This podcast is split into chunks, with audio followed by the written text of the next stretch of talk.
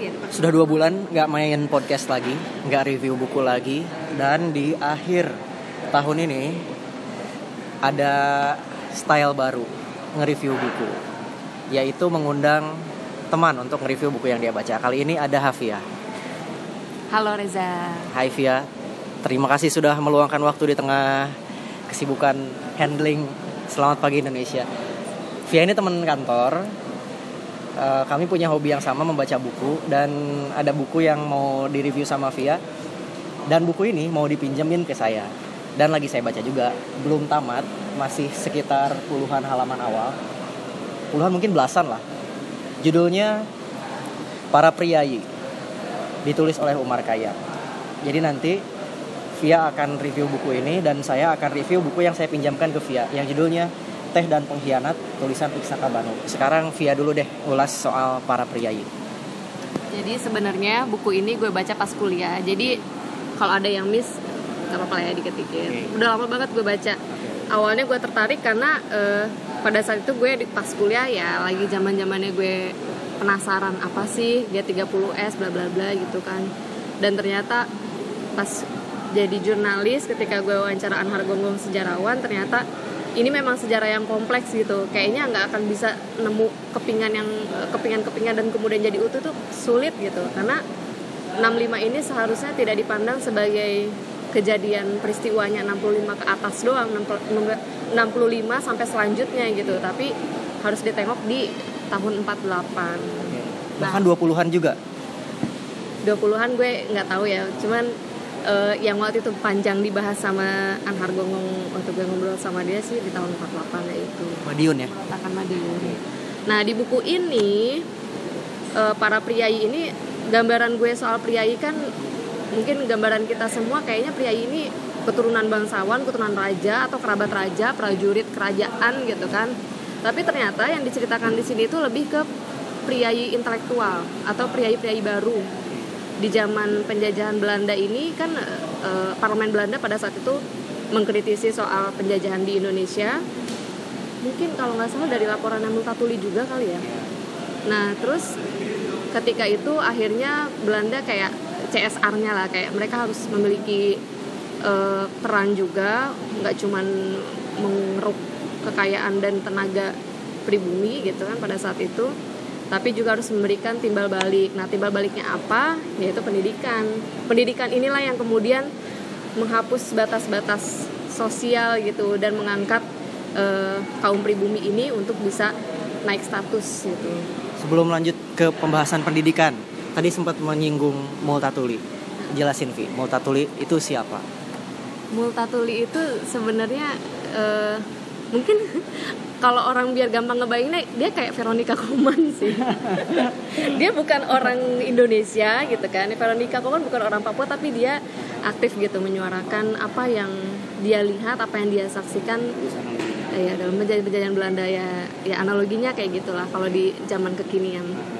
Kalau Multatuli nulis buku, kalau Veronica nge-tweet ya. Iya, bedanya di situ. Dan zaman dulu Eh, Multatuli bikin buku nggak ditangkap dan visanya apa paspornya nggak dicabut. Kalau di sini kekinian beda lagi. Tapi dia dideportasi kan Multatuli karena nulis Max Havelaar, senasib lah. Ya senasib tapi beda perlakuan. Oke. Fast forward ke masa ketika politik etis sudah berlaku di Hindia Belanda. Hmm. Orang asli India, Hindia sudah berpendidikan dan mau melawan politik segregasi ya, karena kita dianggap warga kelas sekian gitu. Lalu buku Priai ini menggambarkan apa terkait fenomena itu? Jadi eh, ini kan kisahnya tentang priayi baru ya atau priayi yang muncul karena eh, itu tadi intelektual karena pendidikan yang kayak HIS, Tofia gitu kan sekolah-sekolah yang dibangun oleh Belanda untuk pribumi. Eh, tokohnya itu tokoh utamanya tuh ada dua kalau yang kulit karena masing-masing memiliki peran yang kuat Sastro Darsono, satunya lagi Lantip. Nah, awalnya ini buku ini sebenarnya cerita tentang si Lantip ini. Dia namanya Wage, terus eh, ketika diangkat jadi anaknya Sastro Darsono, si priayi yang sudah besar, sudah inilah, sudah punya nama dan kedudukan, namanya diubah jadi Lantip. Artinya kalau nggak salah ya cerdas Lantip itu. Gue udah sampai tahap sana, Vi. Jadi di bab pertama kan ngejelasin tentang desa apa namanya? Wanagali. Wanagali. Lalu Tapi lantai ini dari, dari Wanalawas. bener. Wanagali itu si Sastro Darsononya. Yes. Jadi di bab pertama itu khusus bercerita tentang Wanagali dan Wana Wana apa? Yasa. Mm. Jadi Wana, Wanalawas. Wanalawas dan ada kalimat-kalimat yang bertanda miring italik itu benar kata lu bilang bahwa ini penggambarannya kayak Pak Ahmad Tohari. Jadi kalimat-kalimat yang lokal yang terasa kedaerahan itu banyak dimunculkan. gue sampai buka glosarium sih waktu itu kayak gue cari ini artinya apa ya ini artinya apa ya kayak ada juga istilah-istilah Jawa gitu kan kayak kesukan kesukan tuh apa ternyata Iya, kayak iya. permainan judinya pria-pria zaman dulu gitu pria Jawa ini pokoknya gue sih Jawa banget ya kayak Iya. Gimana ewu pakewuhnya orang Jawa. Terus untuk menyampaikan sesuatu itu harus penuh basa-basi. Itu tergambarkan ketika Sastro Darsono ini dijodohkan dengan namanya Aisyah. Itu anak-anak priayi juga.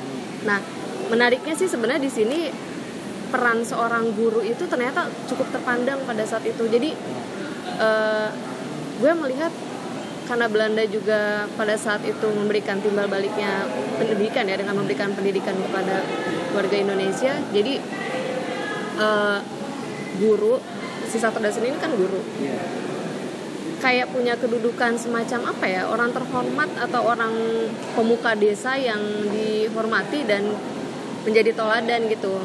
Nah konflik awalnya Sastro Darsono ini sebenarnya ketika dia jadi guru di Wanagali ya kalau nggak salah itu dia ber- ada ada seorang eh, se- kepala sekolah namanya Marto saya Pak Pak Marto Oke.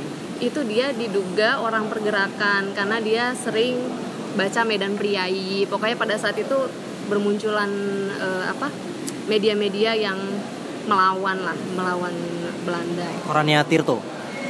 Iya. Kamu tahu? Tirto Adi Suryo. Ya, terus ya jadi kayak udah dikasih catatan merah lah si Marto ini. Nah, makanya Mas Marco. Hah? Bukan ya beda ya? Bukan, Oh. Marto. Marto. Marto. Apalah Oh, itu. oke. Nah, terus eh, Sastro Darsono ini kayak diwanti-wanti gitu sama pihak sekolah kayak kamu jangan sampai keseret-seret ikut si Marto ini juga. Dia ini sering baca buku pergerakan gitu kan anti Belanda. Pokoknya untuk menentang lah, untuk mengajak masyarakat untuk menentang kekuasaan gitu kan. Nah, tapi ketika itu Sastro Darsono ini kayak pengen konfirmasi lah sama Marto ini ternyata oh iya saya intinya Marto itu yang aku tangkap memang orang yang bener-bener apa ya fight gitu ya dia bener-bener dia punya ideologi dia punya idealisme bener-bener dia pertahankan gitu. Sampai dia dibuang berapa kali pun dia tetap dengan eh, keyakinannya itu untuk melawan pemerintah. Padahal kalau aku lihat sih nggak sampai yang gimana gimana juga sih gerakannya. Dia kan kayak cuma baca Medan Priai gitu gitu aja. Nah cuman ada satu hal yang sebenarnya sedih juga sih pas baca ini. Kayak aku ngelihatnya kasihan ya masyarakat desa. Kayak gue kebayang zaman penjajahan lagi gitu kan. Zaman sekarang aja masih ada sih orang-orang yang sulit untuk mendapatkan akses pendidikan. Nah ini orang untuk se- sekedar bisa baca tulis deh gitu. Itu udah dicurigai dicurigainya apa? Karena pada saat itu eh, Marto yang sudah di pembuangan di daerah pembuangan itu dia berpesan sama apa namanya? Sastro Darsono. Iya. Nah, dia bilang di desa Wanalawas ini eh, masyarakatnya belum ada sekolah, nggak ada satupun sekolah. Kalaupun harus sekolah, mereka harus ke Wanagali gitu kan, yang jaraknya lumayan dan sebenarnya mereka pun eh, kayak apa ya, males lah untuk menjangkau Wanagali itu. Mendingan anaknya juga kerja lah, bantuin orang tuanya gitu kan. Ini lokasinya di Madiun. Nah itu kan desa ini ya fiksi ya. Oh. Mungkin di situ lah Madiun, Solo. Ada soalnya penjelasan bahwa kawasan ini terkenal paling lewat pemberontakan Muso, katanya gitu di sini di Abab Iya sih, cuman itu tetap aja fiksi kayak nggak tahu kita sebenarnya di mana, tapi ya pasti daerah Jawa Tengah lah, Jawa Tengah. Jawa Tengah, Solo atau apa ya. Terus, eh, nah itu dibuangnya ke Jawa Timur tuh si Marto, di ujung Jawa Timur dibilang. Ketika itu eh, akhirnya sebenarnya Marto cuma ngomong kayaknya perlu deh dibangun sekolah di sana gitu, nggak ada satupun sekolah di sana. Ya sekedar biar mereka melek eh, aksara lah. akhirnya dengan segala upayanya Sastro Darsono ini dia bikinlah sekolah di eh, ruang depan kepala desanya untuk eh, nggak cuman anak-anak tapi orang tuanya juga diberi kesempatan untuk eh, ikut belajar Eh, dia dibantu oleh anak angkatnya jadi yang menarik juga di para priai ini priai itu bukan sekedar kedudukan atau faktor keturunan raja atau apa tapi eh, mereka juga harus menjadi orang yang mengayomi nggak cuman keluarga intinya. Jadi kalau orang udah besar di sana di kisah ini tuh ya mungkin berdasarkan kisah nyata ya orang-orang Jawa zaman dulu yang udah jadi pembesar itu pasti mereka nggak cuman sekedar menghidupi orang keluarga intinya aja tapi juga ponakan-ponakannya atau siapalah yang di- diminta bantuan untuk mengasuh si anaknya karena mungkin keluarganya tuh ada yang miskin nggak mampu membesarkan anaknya. Nah ini dia bikin sekolah ditem- ditemani oleh dua anak angkatnya. Yang satu yang satu itu namanya Sunandar. Ini yang si anak nakal yang jadi masalah akhirnya. Dari sejak kecil pokoknya dia nakal lah suka mencuri apa. Kedua lantip. dan ini si Sunandar ini eh, bapaknya Lantip Oh gitu. eh aku bocorin gak sih? Spoiler. Spoiler. kamu Spoiler. aja kamu cut aja Enggak bisa. ya udahlah ya Di awal sebenarnya yang gue baca ya, si Lantip ini dia nggak tahu siapa bapak gue. Katanya tiap kali ibunya nanya, eh, pokoknya pergi nyari duit katanya gitu. tetap menarik kok walaupun kamu udah tahu Oh gitu. Oke oke. Apa yang menarik? ya yang Sementara spoilernya udah pecah nih. menarik- ya udah aku nggak boleh terlalu ke cerita berarti ya Terus ya pokoknya mereka eh, membangun sekolah sederhana ala kadarnya, tapi kemudian dicurigai oleh pemerintah. Ya istilahnya Marto itu eh bukan Marto, mertuanya antara mertuanya si Sastro Darsono atau bapak angkatnya kalau salah oh mertuanya Sastro Darsono yang ngomong. Kalau eh, kita ini juga hancur gara-gara mereka yang melaporkan bangsa sendiri jadi mungkin Marto ini dilaporkan nama Belanda makanya dia diasingkan ke sana kemari. Nah, ketika si Sastro Darsono ini bikin sekolah itu juga dicurigai yang akhirnya sekolah itu bubar. Dan yang tadinya dia sebenarnya punya harapan supaya setidaknya orang-orang ini walaupun nggak jadi guru atau nggak jadi petinggi atau gimana untuk mendapatkan staf naik kelas gitu kan tapi mereka setidaknya ya bisa menempati pos-pos yang lebih terhormat lah dibandingkan mereka hanya sekedar menjadi petani tanpa bisa baca tulis gitu kan. Jadi keturunan anak diharapkan anak keturunan sih terutama bisa mengangkat derajat keluarga tapi kayak harapan itu pupus. Jadi buku ini ceritanya tentang perjuangan seorang lulusan dari politik etis Belanda untuk meneruskan pendidikan ke bangsanya sendiri gitu. itu sebenarnya salah satunya ya karena ini banyak banget ti- 300 banyak halaman tuh kayak ya. Heeh, karena tokohnya tuh banyak eh, Darsono dengan keluarga besarnya gitu kan dengan lantipnya dan ada lagi eh, ya pokoknya nanti baca aja pokoknya tokohnya banyak Sekarang dan kita, ceritanya juga banyak ceritanya banyak. Hmm.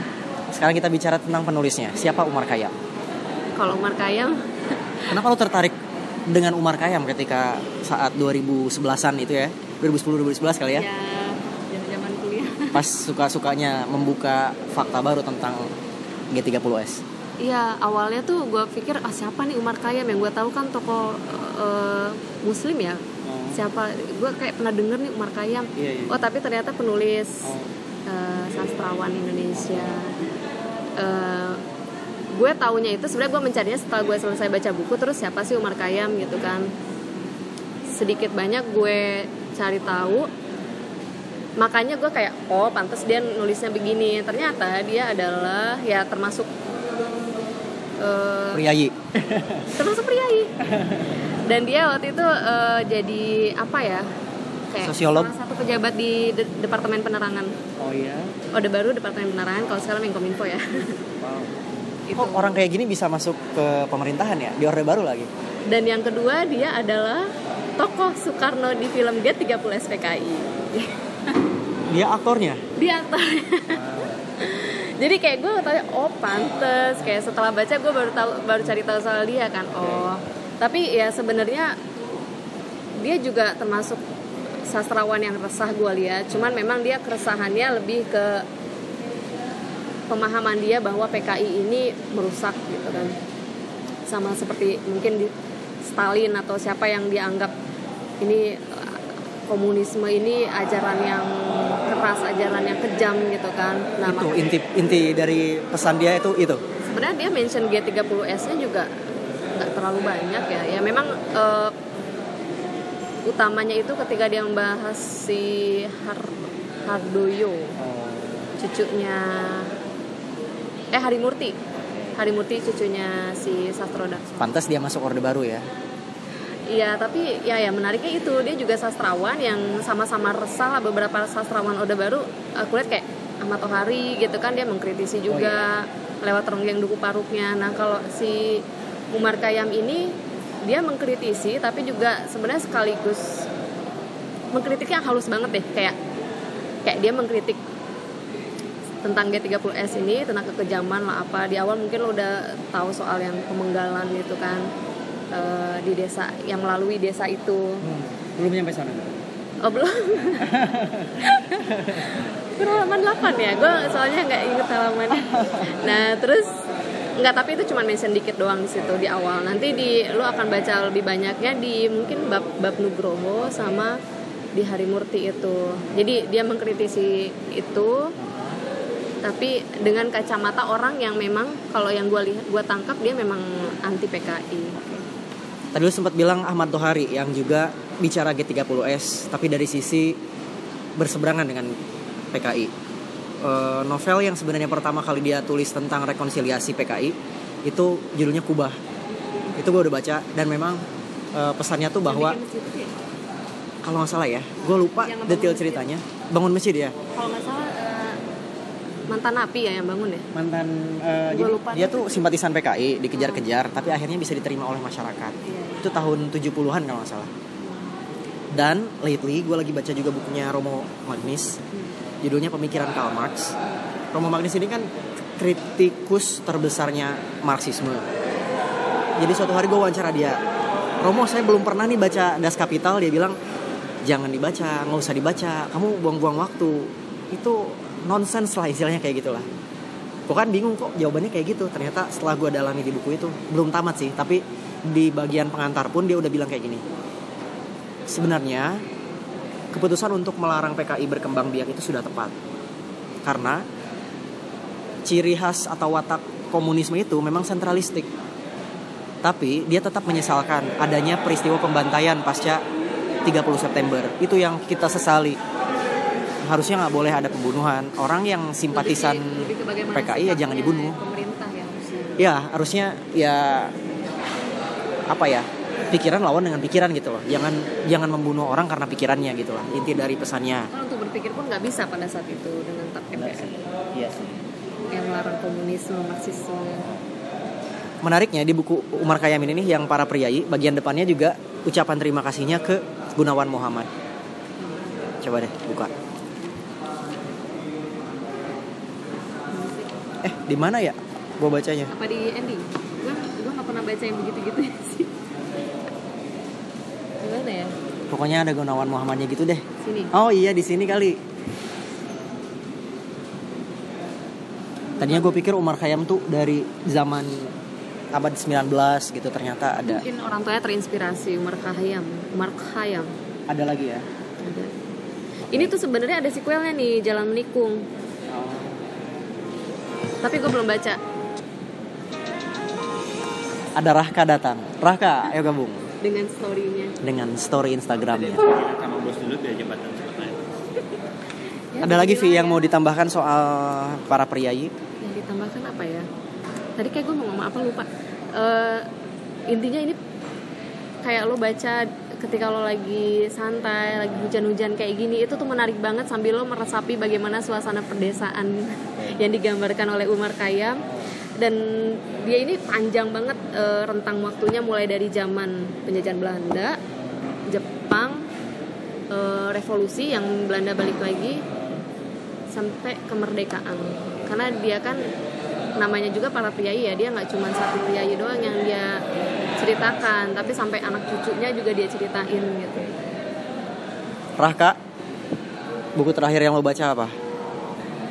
Cara merakit bom. Luar biasa. Terus lo praktekin nggak? Udah. Kemarin sempat ketemu juga sama Umar Pantek dan dia bilang katanya uh, Mar udah Patek cukup- bro. Pantek itu bahasa kasar Ya, bro. Pantek, ya. whatever, whatever, I don't know. gitu ya Buku yang terakhir aku baca mindfulness, mindfulness. Gue bahkan lupa lagi. Mindfulness is medicine.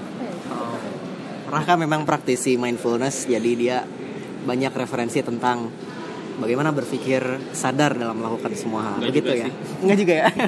oh iya tadi emang gue mention tapi gue takut setengah spoiler sih Ah, tapi ini menarik Oke. jadi jadi satu sisi dia mengkritisi eh, korban-korban ini gitu Iya. kan yang menjadi korban jadi salah satu si cucunya yang tadi gue bilang harimurti itu dia eh, seniman lekra. Oke. lo tau kan? Iya, PKI bagaimana itu. dia bisa diselamatkan itu ternyata bagaimana dia bisa diselamatkan itu ternyata ada andil angkatan darat. Angkatan darat yang simpatik dengan si Tapi ini nanti lo baca sendiri karena kalau gue sebutkan akan spoiler. Jadi gue ngelihatnya nih halus banget ya Umar Khayyam di satu sisi dia mungkin anti PKI tapi sisi lain dia punya sisi kemanusiaan sendiri dan dia juga sebenarnya mengkritisi KKN di era Orde Baru. Mungkin dia semacam siapa ya menteri Orde Baru tapi dia juga oh kayak Emil kali ya. Saling Iya kayak Emil Salim. Jadi dia juga walaupun dia pejabat dia punya sikap sendiri gitu nggak cuman sekedar seperti Harmoko. menurut menurut petunjuk ya begitu lah Tapi Harmoko berani loh waktu 98 dia mau menurunin Soeharto. Oke, jadi kita bahas Harmoko nih gimana nih? Giliran gue ya. ya silakan Pegangin. Jadi judul bukunya Teh dan Mengkhianat. Ini yang ditulis Iksa Kabanu, juara Kusala Sastra Kasulistiwa 2019. wow Buku sebelumnya, kumpulan cerpen juga, judulnya Semua untuk Hindia, itu juga juara penghargaan yang sama di tahun sebelumnya, 2016 atau 15 ya? Apa 17? Pokoknya sama-sama juara dan semuanya kumpulan cerpen. Intinya, semua kumpulan cerpen ini ini bercerita tentang kehidupan pra kemerdekaan Indonesia. Jadi dinamika antara kolonial dan pribumi. Di Oh, buku sebelumnya ya, dia juga berarti gitu. ada- Mirip ya. Nah, setema. kehidupan sebelum merdeka Iksa Kabanu ini dia umurnya dia kelahiran 60-an kalau nggak salah. berapa? 1960-an. Terus em, ini setakan kedua yang gue baca September terbit pertama kali April ada dua judul yang gue skip yaitu Teh dan Pengkhianat dan Variola. Kenapa di skip? Karena gue udah baca di koran Tempo. Jadi dia ini sering nulis cerpen di koran. Mostly koran Tempo kayaknya ya dan dua judul ini memang kuat dan jadi judul buku kumpulan cerpen ini nah yang menarik dia itu berusaha untuk menggambarkan bahwa kehidupan saat itu tidak hitam putih tidak semuanya Belanda jahat dan tidak semuanya pribumi baik di beberapa kisah itu pesan utama yang disampaikan. Misalnya nih, ada 13 kisah. Di buku sebelumnya juga 13. Katanya menurut wawancara yang gue baca, yang gue tonton, 13 ini angka yang dia sengaja muncul di setiap bukunya. Di buku Teh dan Pengkhianat, misalnya nih judul pertama Kalabaka, ini ngebahas tentang seorang pejabat di Pulau Banda Neira yang dia itu tidak seprimitif yang orang barat citrakan terhadap pribumi. Dia pinter, dia berwawasan gitu-gitu, tapi pada akhirnya tetap dibantai oleh Jan Peter Zunchun yang kita kenal sebagai gubernur jenderal Hindia Belanda saat itu. Sebelumnya tuh dia pernah bikin pembantaian dulu di Banda Neira. Dan pembantaiannya melibatkan samurai dari Jepang. Itu juga digambarkan di film Banda dokumenter yang dibikin sama kan ya Jay Subiakto Star Wars ya? 2017 gue di Bandung nontonnya waktu itu. Itu keren banget visualisasinya. Eh, breakthrough lah. Gimana ya? Cuma dia ada itu di ini ya cuma ada di bioskop. Eh nggak tahu ya di mana sekarang bisa diakses tapi waktu itu gue di bioskop. Dan nggak nyangka jadi waktu itu film Banda ini tayangnya barengan sama Planet of the Apes yang ketiga. Eh ketiga ya? Rise of the Planet of the Apes kalau salah. Eh bukan bukan. pokoknya Planet of the Apes lah gue sengaja nggak nonton Planet of the Apes karena khawatir film dokumenter ini segera gulung layar Iya, akibat bisa sedikit penonton. Kan suka begitu tuh. Jadi gue nonton di minggu pertama di hari pertama penayangan kalau nggak gitu. salah bioskop ya? Di bioskop. Ternyata di luar dugaan film itu berumur lebih panjang dibanding Planet of the Apes. Jadi banyak yang nonton. Dan memang bagus sih. Dan di luar ekspektasi juga bahwa orang ternyata banyak juga yang suka film dokumenter. Jadi visualisasinya tuh banyak kayak grafis gitu Vi kayak kan director of fotografi namanya Davi Linggar. Davi Linggar tuh gaya fotografinya gaya visualnya dark kelam gitu. Kayak ya? Ya nyawanya tuh nggak kayak disensor? Enggak ya maksudnya visualisasinya tuh kayak dari lukisan Oh. dari catatan-catatan sejarah di sana gitu-gitu. Pikir graphic image yang enggak enggak darah enggak Kayak- tapi ada emang visualisasinya kurang lebih kayak gini ada bang John? Buku ini juga di buku ini ya Teda Mengkhianat dilengkapi ilustrasi yang dibuat oleh siapa namanya? Adi Suta ya. Dan gaya gambarnya tuh pakai gaya arsir. Kayak gaya gambar uang kan kayak gini ya. Nah, contohnya nih Kalabaka. Tuh, ini ada orang yang mau dipenggal oleh samurai dari Jepang. Dan visualisasi yang di film itu juga kurang lebih kayak gini. Orangnya pakai cawat, rambutnya rambut khas samurai. tapi orang apa itu Orang Jepang memang. Memang saat itu samurai itu kan pembunuh bayaran. oh Kalau tapi samurai zaman penjajahan Belanda zaman penjajahan Belanda 1500-an 1600-an gitu. Kalau samurai yang nggak punya tuan kan namanya ronin. Kalau ini bener-bener samurai yang disewa untuk ngebunuh orang gitu. Terus terus Ini Kalabaka. Nah, ada yang kisah paling lain. menarik apa yang paling Yang paling menarik sebenarnya teh dan pengkhianat Vi. Jadi ya iya, jadi dia itu menyeritain tentang gimana perkebunan teh saat itu memanfaatkan buruh dari etnis Tionghoa. Dan etnis Tionghoa ini ternyata dari zaman penjajahan dan way way far before that juga selalu mendapat rundungan di tanah ini. sebenarnya kan pas sih jadi narasum kita kalau dia nggak sibuk Jadi sejak saat itu pun padahal teh ini kan ditemukan dari Tiongkok. Hmm. Lalu orang Tiongkok malah yang jadi buruh-buruh kasar yang ditindas sama eh, penjajah. Si penjajah ini ternyata nyewa seorang tentara bayaran. Tentara bayaran ini adalah Sentot Ali Basyah. Sentot Ali Basyah ini salah satu kesatrianya Pangeran Diponegoro yang kemudian melacurkan diri dalam tanda kutip untuk eh, melakukan sesuatu sesuai dengan bayaran gitu. jadi itu ya kritik-kritik eh, yang misalnya nggak cuma menceritakan tentang si penjajahnya si Iya. Belandanya tapi juga bangsa sendiri yang Iya. melacurkan diri ke Iya. pihak penjajah Iya. salah satunya sih siapa tadi Sentot Sentot Ali Basyah itu istilah Sentot Ali Basyah itu dari Turki disebutin di cerita ini. Ini gue sampai ingat loh bah, pa- padahal nggak baca ulang. Pasya Iya, dari kata Pasha. Lu tahu? itu kan nama Turki Oh iya. iya. Jadi begitulah teh dan pengkhianat.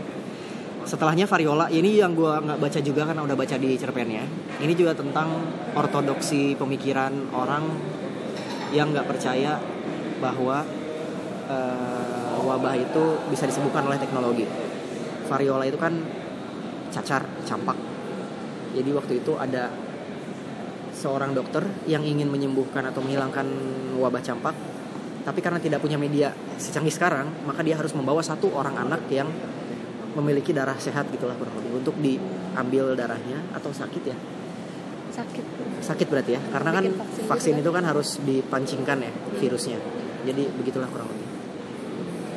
Terus ada lagi yang kisah serupa tentang pemikiran ortodoks sih misalnya nih tidak ada Lazarus di sini jadi kayak seorang Belanda yang meragukan eksistensi Tuhan di ranjang pembaringan menuju maut gitulah kurang lebih kutukan Lara Ireng ini kayaknya seru juga nih ini semuanya latarnya zaman eh, pra kemerdekaan ya Iya, pra kemerdekaan. Ini Nick Devlinder yang menarik karena ini bercerita tentang wartawan. Ini lu mungkin bakal tertarik dan low banget ya bakal berkaca lah dengan profesi kita sekarang gitu. Bahwa eh, nggak profesi kita sih maksudnya kayak kehidupan eh, industri media itu ya dari dulu ya kayak gini gitu. Gambaran industri media pemberitaan informasi ya pemetaannya tetap relevan. Nick Devlinder. Ini nama seorang perempuan yang diduga eh, jadi simpanan seorang pejabat dan seorang wartawan berupaya untuk menghadirkan berita itu. Hmm. Nggak boleh gue bocorin selanjutnya ya. Ini cerita terakhir yang mau gue share. Judulnya Indonesia Memanggil. Indonesia Memanggil ini terjemahan dari Indonesia Calling. Indonesia Calling itu film dokumenter dibikin sama Joris Ivens dia tuh pembuat dokumenter asal Belanda. Eh Belanda apa Ceko ya? Pokoknya asal Eropa. Dia bikin film dokumenter tentang pemogokan orang-orang pelabuhan di Australia yang saat itu akan menyerang Indonesia. Kan base eh, tentara Belanda ketika mau melakukan agresi militer ke Indonesia itu adanya di Australia Nah, orang-orang komunis di eh, Australia yang saat itu ditangkap oleh Belanda, lalu diasingkan, lalu ditarik ke Australia untuk diselundupkan. Mereka itu berhasil menginfiltrasi pemikiran bahwa ayo kita cegah aneksasi lagi Hindia oleh Belanda ke seluruh pegawai pelabuhan. Akhirnya seluruh pegawai pelabuhan mogok kerja. Sehingga pesawat kapal yang bukan pesawat kapal yang membawa senjata ke Hindia nggak bisa jalan. Akibat solidaritas para pekerja. Dan itu anjir gue merinding. Hidup buruh. Hidup buruh. itu diceritain awalnya gue tahu tentang ini dari ceramahnya Ariel Herianto. Oh, lu Judul. pengikut dia juga ya? Yes, I am. gue kalau misalnya ngurus sama istri gue ya, gue kayak Ariel Herianto, Ariel Herianto di situ kayak si profesor Australia yang kamu bilang itu ya katanya gitu. Eh tapi dia tuh gue pikir dia kayak sekedar seleb tweet apa gitu kan kan munculnya gue tuh tahu dia tuh setelah pas lagi deket-deket pemilu gitu loh eh ternyata oh Iya, benar. profesor tuh Ah, ah. Terus Iya menarik aja dia kan artikelnya juga sering dimuat di Tirto di mana-mana Iya. ternyata pemikirannya lumayan out of, out of the Iya. box Dia dan jadi Ya, orang yang cukup penting ya di sana ya ah. ada cerita unik. Jadi ceritanya dia kan ngajar Marxisme di Australia. Terus dia nanya ke mahasiswanya yang dari China. Lu tahu nggak Marxisme itu apa? Komunisme apa? Nggak tahu. Ironically mereka nggak tahu. Padahal negaranya menjalankan sistem ideologi kayak gitu gitu. karena kan semuanya dibatasin kan sama pemerintah Iya. bahkan eh, tragedi party. Tiananmen sendiri kan orang mungkin mas anak muda zaman sekarang anak Cina itu nggak tahu gitu eh, anak Tiongkok ya sekarang Iya. sebutannya mereka bahkan nggak tahu sejarah Tiananmen mungkin beberapa orang aja yang berupaya untuk cari tahu Itu upaya Ini salah satu- ya. saksi bisu tragedi. Tiananmen Cian Anmen Tiananmen ya dibacanya ya Ngomong-ngomong soal komunisme, Raka juga lagi mendalami soal itu. Lagi Oh. baca-baca soal komunisme di Kambodia ya, Vietnam Vietnam. Gimana kak? Buku yang lo baca apa? Nggak sih kayak gue lebih banyak baca tentang perang Vietnam sih karena memang kalau buat gue pribadi eh, hanya karena lu berbeda gue setuju dengan pandangan bahwa jangan hanya karena lu berbeda ideologi kemudian sama manusia harus saling membunuh karena base nya gue lebih suka buku-buku yang pendekatannya humanisme itu aja sih aku Perang bodoh Vietnam itu yang melahirkan Flower Generation ya, yang melahirkan musik rock and roll, tragedi, uh, budaya hippies ya kan. Mereka kampanye make peace not war, mencegah Amerika untuk invasi ke Vietnam. Cuma gara-gara Vietnam komunis dan Amerika liberal gitu ya. kalau gue sih lebih ngelihat Sun Yat-sen mah eh Kamboja itu ya Sun Yat-sen tuh Cina presiden pertamanya Cina ya? Sun Yat-sen.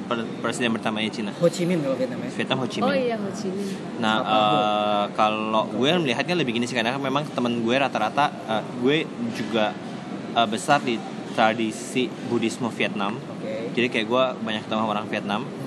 Em, gue bisa melihat sih ya luka dari perang itu. Jadi kalau gue ketemu generasi yang tahun 50 yang umurnya 50 tahunan gitu ya.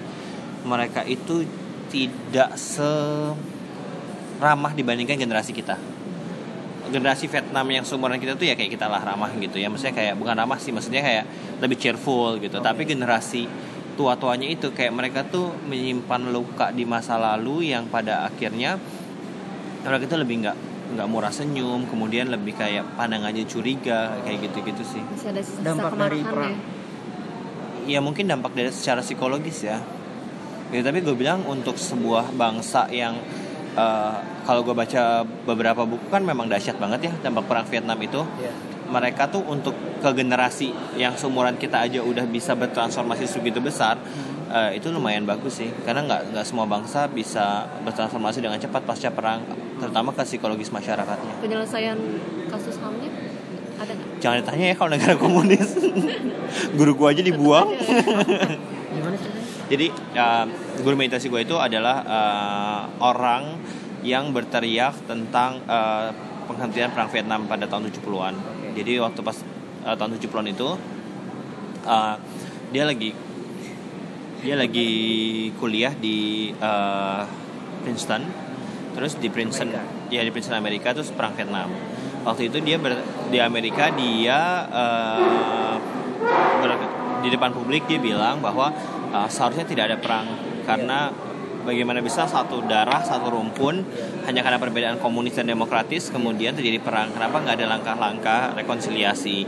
Pada saat itu tokoh demokratis menilai eh tokoh komunis menilai dia itu adalah pro Amerika karena tinggal di Amerika. Sementara tokoh-tokoh komunis eh sementara tokoh demokrat eh, orang-orang demokratnya Vietnam Selatan demokrat eh, mendengar kata damai itu identik dengan eh, propagandanya si orang Eh, tentara Viet Cong tentara-tentara Vietnam Utara. Pada akhirnya sejak saat itu dia kayak eh, tidak boleh lagi eh, menginjakan kaki di tanah Vietnam. Dan tapi secara aktif dia me- membuat gerakan-gerakan sosial untuk penyelesaian perang Vietnam.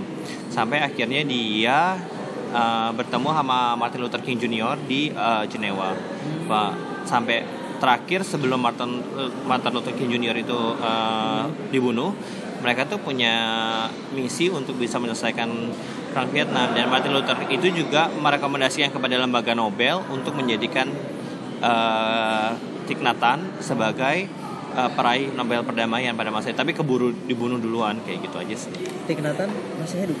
masih sekarang udah 93 tahun. Kemarin baru sekarang tuh terakhir kan Hanh ketika uh, Vietnam mulai membuka diri kepada publik Iya. mereka mengundang Hanh untuk datang ke uh, Vietnam lagi sebagai mulai terbuka lah ya gitu mau kasih Jadi sekarang dia tinggalnya nggak di Vietnam. sekarang dia balik ke Vietnam Oke. jadi kayak ini lucu sih kayak gue baru tahu pemerintahan komunis itu segitu insecure-nya jadi uh, begitu uh, Hanh balik mau balik dia bilang Mau ke Reza dulu sana. Tolong terjemahin eh, 10 buku gue begitu diterjemahin dalam waktu tiga tahun ada 300 muda-mudi Vietnam jadi biksu sama biksuni Karena Oke. bukunya Tik karena bukunya. Oke. terus dari situ kayak waktu pas eh, kemarin lu ke Eco Camp Eco Camp tuh banyak menyerap eh, pemikiran-pemikirannya Nhat Hanh. Awareness self awareness ya. mindfulness sama awareness ya cuma mungkin mereka ubah bahasa tapi mereka pure eh Eco Camp itu eh, pakai banyak eh, metode Nhat Hanh.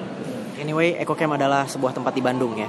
Ya, te- tempat jadi dia camp ekologi gitu untuk eh, sebenarnya kan mindfulness itu kan penting karena eh, banyak hal-hal terjadi di dunia ini eh, karena pola hidup yang tidak mindful, konsumerisme, kemudian eh, kapitalisme kapitalisme. Iya, ngeri. Ya, itu kapitalisme itu adalah musuh semua agama kan. self awareness itu kan agama kan sebenarnya inti dari semua agama kan self awareness. materialisme itu yang jadi musuhnya. Nah pokoknya intinya ketika 300 orang dalam waktu tiga tahun jadi biksu sama biksuni Iya. dianggap sebagai ancaman sama pemerintah Vietnam. Terus Kenapa? Apa yang dia takutkan oleh pemerintah dengan orang jadi biksu? gerakan politik. Takutnya berdampak pada gerakan politik. Terus akhirnya wihara- jadi negara beragama, demokratis. berbasis agama gitu. takutnya itu eh, kayak apa ya istilahnya kayak Oh iya, takut jadi demokrat. Iya, takutnya nggak jadi sosialis dia- lagi. Iya takutnya eh, itu tuh kayak gerakan berbalik dibalik nama agama untuk menggulingkan rezim yang ada. Dengan karena dia dengan sangat cepat dalam tiga tahun bisa ngumpulin masa yang sangat banyak. Akhirnya wiharanya dibubarin. Terus biksu-biksunya eh, ini apa eh, kabur ke Thailand. Jadi sekarang mereka dapat kayak dapat uh, perlindungan dan bukan suaka juga sih mereka masih warga negara Vietnam tapi mereka dapat kemudahan untuk bisa tinggal di Thailand karena ada MOU kerjasama dengan universitas ternama di Thailand gitu Ini ini konteksnya hari ini. Hari ini. Oh, masih Dan- ada kayak gitu ya? Iya terus uh, terakhir Hanh, uh, di hari tuanya Hmm. tiga tahun lalu dia eh setahun lalu lah dia pengen balik ke tanah kelahiran gurunya karena kan dia di tanah kelahiran dia kan Hmm. Dia balik ke Hue di dekat Hue situ di Vietnam pusat. Nah terus uh, syaratnya dia boleh datang tapi dia tidak boleh mengadakan acara apa pun. Thich Nhat Hanh boleh datang ke Thailand Boleh tapi ke tidak boleh Vietnam. ke Vietnam asal tidak boleh menggalang masa. iya menggalang masa. Jadi sekadar menjalani masa tua. Iya. Lucu ya. Yang penuh. Iya. Yang penting bukunya boleh disebar aman. apa? Ya pokoknya eh, dia nggak boleh bikin acara apa apa di sana Tapi nggak semua orang baca buku juga sih. Bermasalah juga sih. iya miskin literasi tergantung di lu tinggal di negara mana dengan budaya kayak gimana ya Lu sering ke Vietnam? no I never been there cuma kayak gue juga gak tertarik ya secara ya Bukannya emerging country di Southeast Asia tuh. ya dia baru mulai Indonesia. berkembang sih dia sebagai negara eh, kayak dia paling paling cepat ya dibandingkan negara lain ya gitu Eh, Paling diuntungkan dengan uh, trade war. Yang pasti kayak birokrasinya mereka tuh kalau kata teman-teman gue yang eh, mereka berurusan sama pemerintah Vietnam Vietnam itu mampu mengubah regulasi dalam waktu cepat sehingga arus eh, penanaman modal itu lebih cepat. Jadi a- aparatur sipil negaranya itu eh, sudah hampir sama kayak Singapura katanya. Itu yang bikin mereka harus kan kalau kita kan sekarang kayak kita mau investasi ke Indonesia ribet aturan A B C D F G ASN nya kerjanya lambat dan lain sebagainya itu yang membuat orang kayak dia nggak mau nanam modal lebih besar lagi Oke. Dari bicara tentang kehidupan prakolonial lalu ke komunisme karena sedikit rembet karena nyerempet-nyerempet sih. Kita balik lagi ke teh dan pengkhianat. Jadi Indonesia memanggil ini ya tadi Indonesia Call. Indonesia Calling. Kalau kalau The Clash kan ada judul lagu London Calling. Indonesia Calling sebelum album The Clash ini keluarnya. Jadi ya kalau mau mengait-ngaitkan mungkin The Clash terinspirasi oleh Oh. Yoris Ivans. Nggak tahu sih, gue nggak tahu ya. Tapi kalau dilihat dari timelinenya sih, menurut asumsi lo menurut asumsi gue Yoris Ivans is more awesome than The Clash. Tapi The Clash juga menginspirasi banyak band punk lain untuk bisa radikal sih.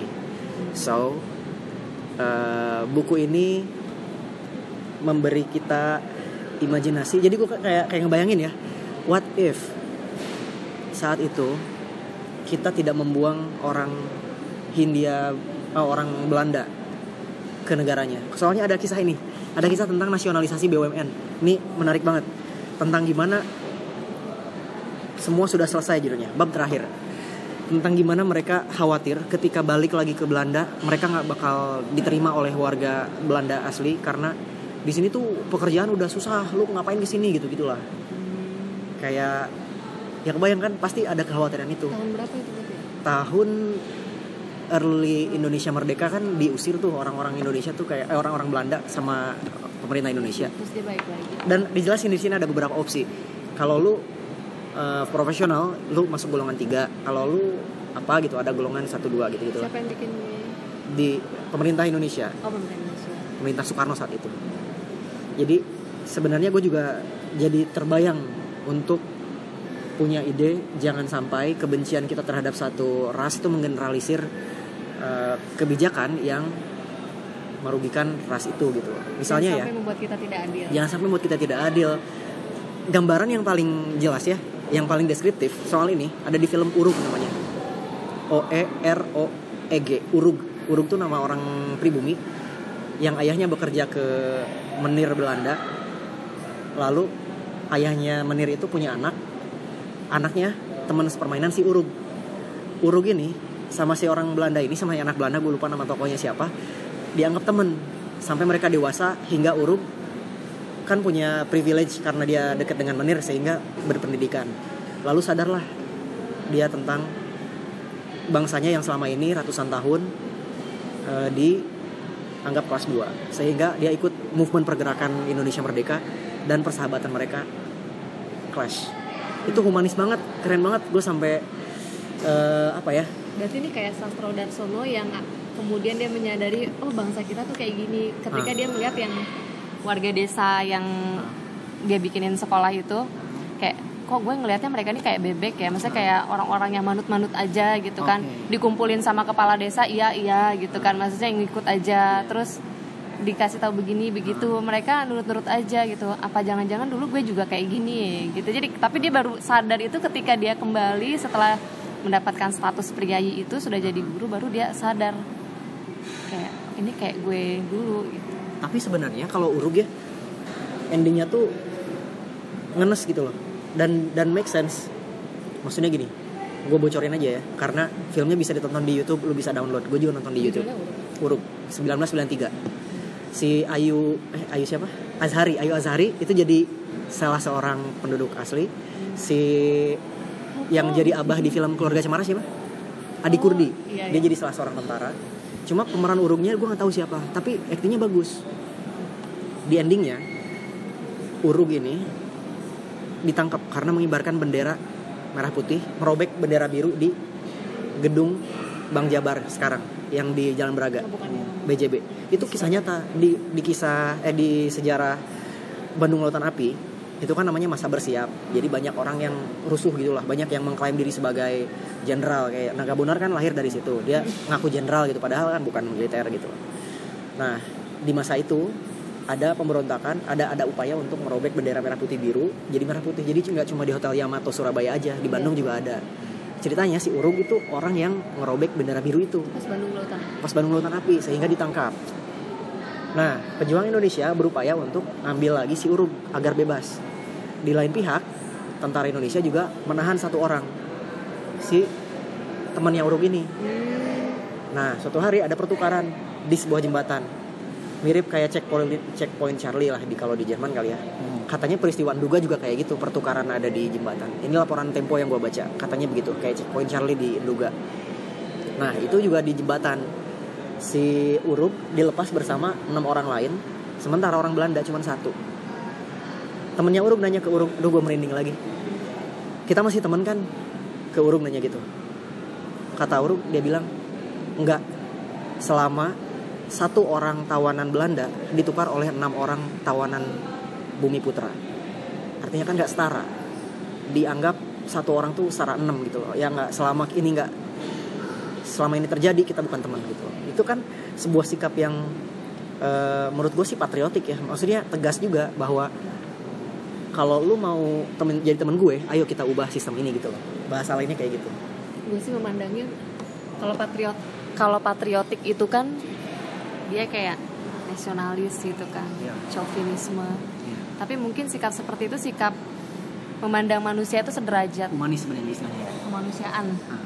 jadi bukan mengedepankan bangsanya tapi bagaimana manusia ini bisa dipandang sederajat yes gitu nggak? yes, yes betul setuju. Jadi itu pesan dari film itu yang sebenarnya ingin disampaikan bahwa harus ada persamaan antar manusia gitu. Seperti semangatnya ini komunisme Em, apa namanya? Sama rasa sama rata. Ini. Nggak ada lagi le- eksploitation The, the expectation parlo parlo. lah itu. Itu pidatonya Soekarno. Iya benar pidato yang paling anda sebutkan. Eksploitasi manusia kepada manusia. sudah berapa menit? 48 menit. Ini podcast terpanjang yang pernah gua rekam sejauh ini. So thanks for coming. Ada yang mau ditambahkan? Ada yang mau disampaikan sampai jumpa di podcast berikutnya karena rencananya gua akan mengundang narasumber lain yang tidak kalah seru. Sampai jumpa tahun depan. Eh enggak kayaknya tahun ini bakal bulan Desember ini bakal rilis lagi yang baru. Tunggu tanggal mainnya